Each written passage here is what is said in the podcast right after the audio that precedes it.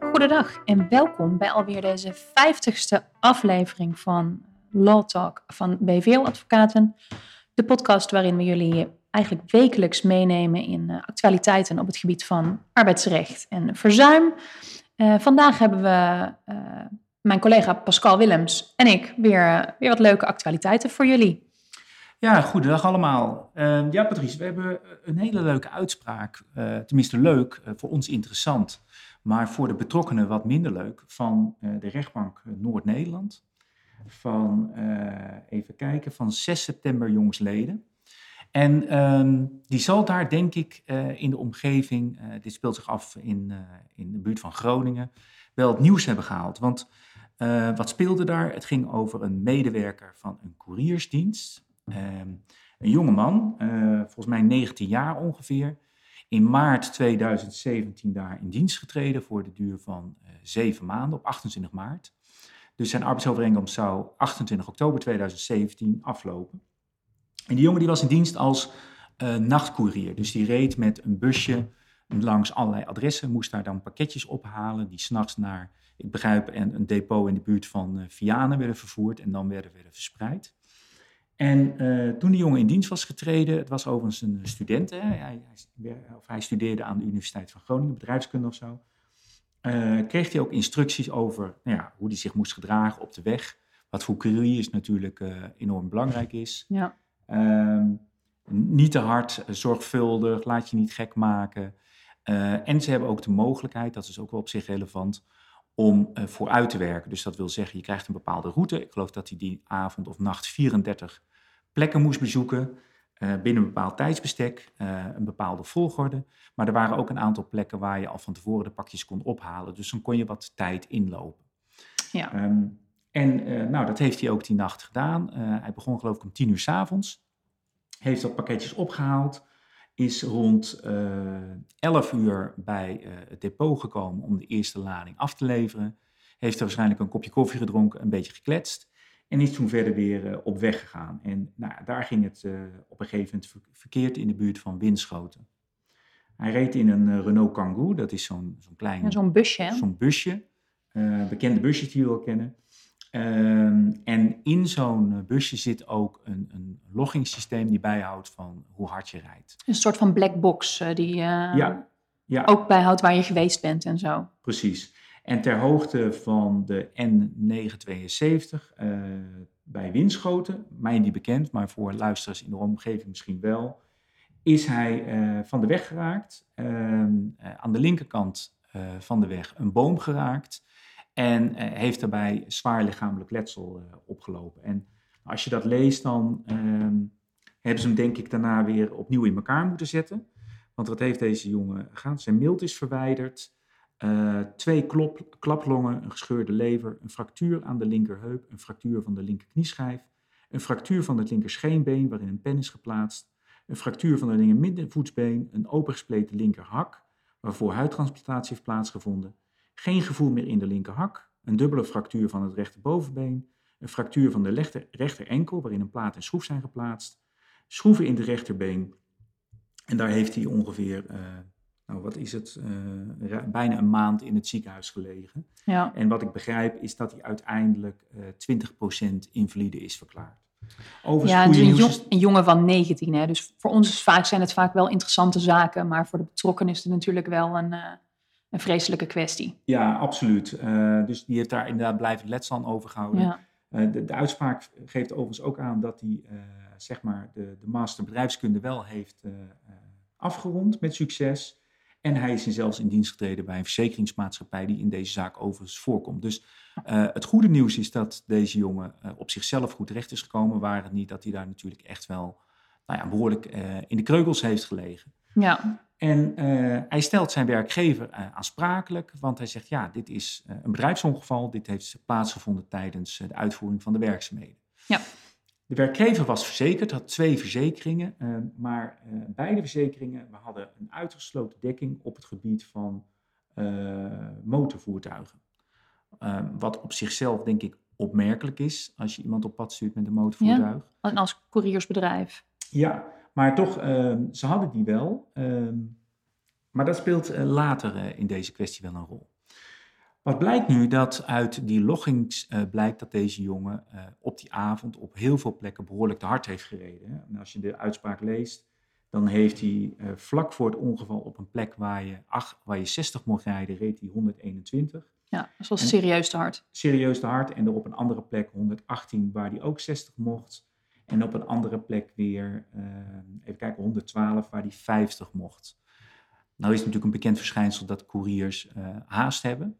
En s'nachts is er waarschijnlijk weinig verkeer op de weg. Dus ik kan me ook wel voorstellen dat je wat harder rijdt dan uh, nou, is toegestaan. Die, ja. Ik snap wel dat de verleiding groot is. Ja. vind ik dit wel heel veel te hard hoor. Nou ja, dit is het dubbele. Hè? Dus dit is niet uh, even iets te hard het gaspedaal intrappen. maar dit is, uh, nou ja, dat komt natuurlijk aan de orde. Dit, dit is wel uh, heel, erg, heel erg veel te, te hard. Ehm, overigens heeft de politie in het procesverbaal opgemerkt dat Ehm, hij uh, de auto ook niet voortdurend onder controle had. En op een gegeven moment dus van de weg is geraakt. Ja. Overigens vermeldt het rapport van de politie niet waardoor het oor, uh, ongeval is veroorzaakt. Ik denk dat ze dat niet hebben kunnen achterhalen. Uh, en dat speelt in deze zaak wel een, een, verhaal. Maar, maar goed, er is een kleine uit, ehm, uitbetaling geweest van de ongevallenverzekering, 6600 euro of zo. maar uiteindelijk, deze jongen heeft natuurlijk behoorlijk schade geleden ja. en probeert hij dat de werkgever te verhalen. En wat gebeurt er dan? Ja, die kantonrechter gaat eigenlijk volgens de jurisprudentie van de Hoge Raad het, het rijtje af. die, uh, en natuurlijk ook de verzekering of de, het verweer wat gevoerd is door de, door de werkgever. En de eerste vraag die dan beantwoord uh, moet worden is van ja, um, wat heeft hier nou plaatsgevonden en heeft deze werkgever aan de zorgplicht voldaan? Ja. De zorgplicht die op werkgevers rust. En het is natuurlijk vaste jurisprudentie dat die zorgplicht houdt niet in dat je uh, alle situaties moet kunnen voorkomen. Hè. Het is geen garantie op dat je geen ongevallen uh, kan overkomen, maar je moet wel dusdanige maatregelen nemen waardoor het redelijkerwijs kan worden voorkomen. Ja. En daarvan zegt de kantonrechter, ja, daar is hier wel aan voldaan, want deze jongen had de instructie gekregen, hij was ook ingewerkt. En uh, weliswaar hebben we er begrip voor dat dit een jonge automobilist is, zoals we al zeiden. Ja. Um, maar voor jonge automobilisten gelden niet andere regels. Zelfs jonge automobilisten mogen we dezelfde regels uh, toepassen. Zijnde ja. dat um, nou ja, die zich ook gewoon aan de verkeersregels moeten houden. Precies. En uh, hij had inmiddels twee jaar zijn rijbewijs. Dus um, werd ook gezegd van ja, dan hoor je wel goed te weten hoe de regeltjes zijn. Ja. Dus de instructie van de werkgever, die van tevoren was uh, gegeven, ik denk ook in combinatie met hoeveel er te hard was gereden, die was, was wel goed. Ja. Wat ik me nog afvroeg, maar ik denk, ik vraag me af of de uitspraak daar dan iets over zegt. Controleert de werkgever bijvoorbeeld ook wel vaker van joh, wordt er te hard gereden en worden mensen daar dan ook op aangesproken? En... Nou, wat hier wel in staat, dat uh, boetes voor eigen rekening zijn ja. uh, en dat die behoorlijk kunnen oplopen, dus dat ze daar voorzichtig in uh, moeten zijn. Ja. Er staat niet in de uitspraak bij mijn weten dat deze medewerker al vaker was aangesproken daarop. Nee, want ik, of dat die boetes had gekregen, want ja, um, en je, jouw vraag is waarschijnlijk of die loggingbestanden zijn Ja, precies. Worden die, worden die loggingbestanden? Want je ziet bijvoorbeeld als je kijkt naar, naar controles door de arbeidsinspectie, als er een ongeval is gebeurd, dan zie je dat de arbeidsinspectie er bijvoorbeeld ook waarde aan hecht.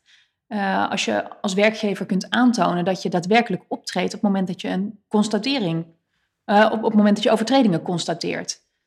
Nou, dat staat niet in de uitspraak. Waar, okay. Wat de kantonrechter zegt is, ja, je moet uh, deugdelijk materiaal ter beschikking stellen. Nou, daar, dat zegt de kantonrechter. Ja. Het voertuig ja. was deugdelijk, was niet gevaarlijk. Ja, en die instructies Geen... die zijn natuurlijk uh, van belang. Ja, die instructies waren van belang en duidelijk. De medewerker had wel betwist dat hij die had gezien, maar dat kon uh, worden aangetoond. Ja. Um, de kantonrechter zegt niks over dat de, of de werkgever het had moeten controleren. Um, en de vraag is natuurlijk of je zorgplicht zover gaat dat naast de instructie, dat je ook dat continu moet controleren. Snap ik. Maar in andere zaken hebben we natuurlijk wel gezien dat die controleverplichting er vanuit de werkgever ja, wel kan zijn. En vaak als je kunt laten zien, hoeft niet in die situatie, maar als je kunt laten zien in situaties in het, uit het verleden, dat je bij overtredingen ook daadwerkelijk optreedt als, als werkgever, dan is dat ook weer een factor die meetelt in het kader van heb je aan je zorgplicht voldaan.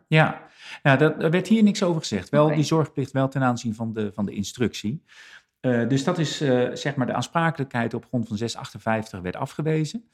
Eh, daarnaast beriep de medewerker zich op aansprakelijkheid op grond van goed werkgeverschap. En dan Ja. speelt, de, speelt de verzekeringsplicht die de Hoge Raad heeft eh, genoemd, ehm, speelt dan een rol. En die gaat hier wel eh, een rol spelen, want ja, het blijkt dus dat deze werkgever in ieder geval voor motorrijvoertuigen eh, geen verzekering had, had afgesloten. Ja, En ehm, wat de werkgever dan zegt, ja, maar ook al had ik een verzekering gehad, bij dit soort gedrag eh, zou Ja. ik, ehm, nou ja, eh, zou de verzekering misschien geen dekking hebben geboden? Precies, precies. En daarvan zegt eh, eh, de kantonrechter, ja, dat, dat kan niet eh, per se vaststaan.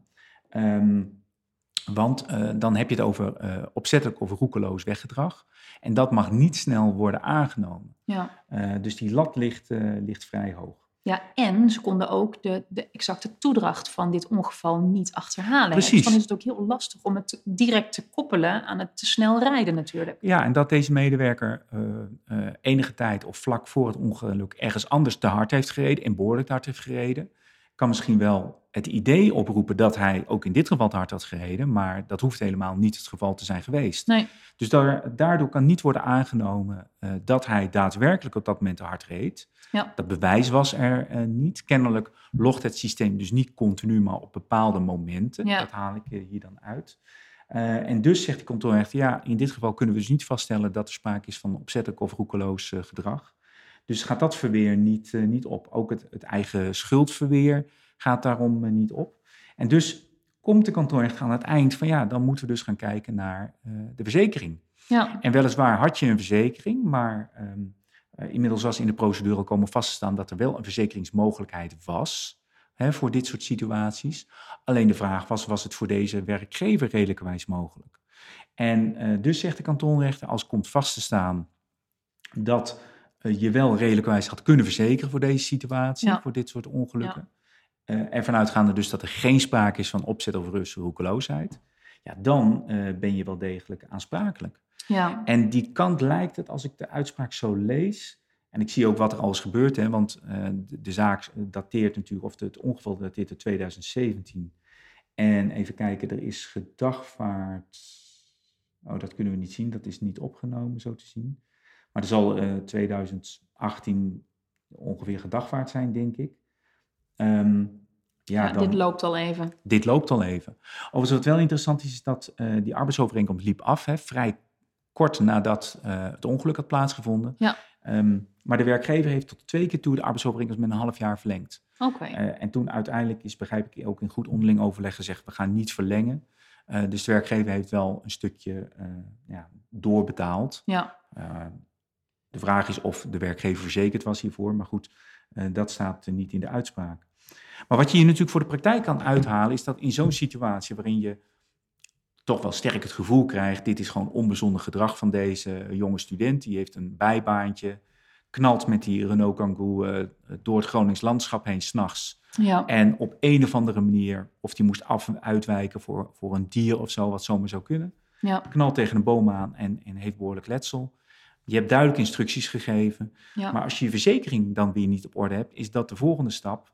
En dan gaat dat, als je dus niet echt kan aantonen dat op dat moment er sprake was van opzet of bewuste roekeloosheid, kan het nog zijn dat je eh, die vergoeding moet gaan betalen. ja, Dus ja. voor werkgevers is het van belang om zowel de instructiekant, hè, waar denk ik ja, best wel wat aandacht Ik- aan wordt besteed. Precies, ik denk dat, dat er best snel aandacht is voor bijvoorbeeld, hè, zijn mijn auto's in orde, is mijn instructie goed gegeven? Ehm, dat, dat daar best wel oog voor is. Maar voor die verzekeringskant, ik denk dat een heleboel werkgevers helemaal niet goed weten hoe ze precies verzekerd zijn. Niet voldoende, nee. Dat ze, kijk, want deze werkgever had twee verzekeringen, maar die bleek voor deze situatie met motorrijtuigen gek genoeg niet verzekerd te zijn. Ja, En eh, natuurlijk kan je dan zeggen, ja, maar daar heb ik toch een verzekeringsagent voor die mij daarover instrueert. Dat kan helemaal zo zijn, maar dat is in zo'n zaak niet een verweer. nee. Hoogstens dat je dan een nieuwe claim hebt op je adviseur, Ja, waarvan je zegt, ik heb jou toch gevraagd dat goed te verzekeren. Dus ik denk eh, twee dingen. Ik denk dat je als werkgever er heel goed aan doet om de verzekeringen nog eens een keer tegen het licht aan te houden ja, zijn de redelijke risico's die voorzien zijn, zijn die verzekerd voor zover er een verzekeringsmogelijkheid is. En een redelijke verzekeringsmogelijkheid. Dan moet de verhouding tussen bijvoorbeeld de premie de premie betaalt. eh, en zo moet wel ja. eh, redelijk zijn. Ehm, heb je, welke instructie heb je gegeven aan je verzekeringstussenpersoon om het, zeg maar het pakket af te sluiten? Dat is daarin ook wel van belang, Ja. dat dat helder is. Ehm, en daarnaast natuurlijk heb je dan voldaan aan je, aan je instructiebevoegdheid. Ehm, en tot slot de, heb je de, de juiste materialen en, en in dit geval eh, een voertuig ter beschikking stelt, is dat goed onderhouden. En kan je dat ook aantonen?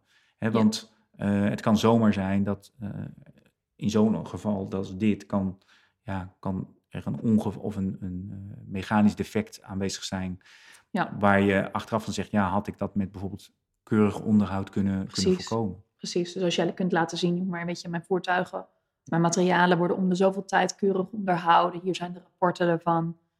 Dan, dan kun je dat in ieder geval weer leggen. Hetzelfde geldt overigens ook voor die instructies. Hè. Je kunt wel mondeling instructies geven, maar het is natuurlijk heel fijn in, in zo'n situatie dat je kunt aantonen dat je aan die instructieplicht hè, hebt voldaan. Ja, dus ook daar is het wel prettig als je iets gedocumenteerd hebt over de gegeven instructies of de aandacht die je daaraan hebt besteed. Ja, precies. En, en tot slot denk ik is het verstandig om die instructie dus niet één keer te geven, maar dat periodiek te herhalen. Dat zie Ja. je ook in de jurisprudentie terug. Niet Ja, in deze precies. uitspraak zozeer, maar in andere zie je dat, eh, zie je dat wel terug. Ja, maar ik herken het ook wel van klanten die, die zeggen dat ze regelmatig een soort toolbox meetings doen waarbij veiligheidsaspecten aan de, aan de orde komen. Ja. Dat is natuurlijk iets wat je vrij makkelijk eh, nou, bij, bij een, een bespreking of eens in zoveel tijd een keertje de revue kunt laten passeren. Ja, en vervolgens weer goed vastleggen dat dat gebeurd is, wie er aanwezig is geweest Ja, en hoe de afwezigen bijvoorbeeld weer geïnstrueerd worden. Want ook dat kan natuurlijk eh, eh, belangrijk zijn. Dus ja, een, eh, voor de betrokkenen natuurlijk een, een vreselijk ongeval. ehm, en je kan je helemaal voorstellen hoe dat gegaan is. Ehm, ja, hier is niemand gelukkig mee. Ehm, nee. Het zijn alleen maar verliezers. Ehm, maar voor de praktijk denk ik wel een, een hele duidelijke uitspraak van hoe je, ondanks dat je als werkgever denkt van ja, ik heb toch alles wel redelijk op een rijtje en iemand heeft onbezonnen rijgedrag vertoond. Nou, ik zie het voor deze werkgever eh, vrij lastig in als ik zo zie eh, welke bewijsopdracht er is gelever- eh, Ja. gegeven. Ja. Bedankt allemaal weer voor het luisteren naar deze Law Talk. En nou ja, als jullie voorkeuren hebben voor bepaalde onderwerpen of ideeën of zo, ehm, stuur ze in, dat horen we graag. En als jullie dit een leuke podcast vinden om naar te luisteren, ehm, geef dan ook dat aan in eh, Spotify en bij Apple Podcast. Tot de volgende keer. Tot de volgende keer.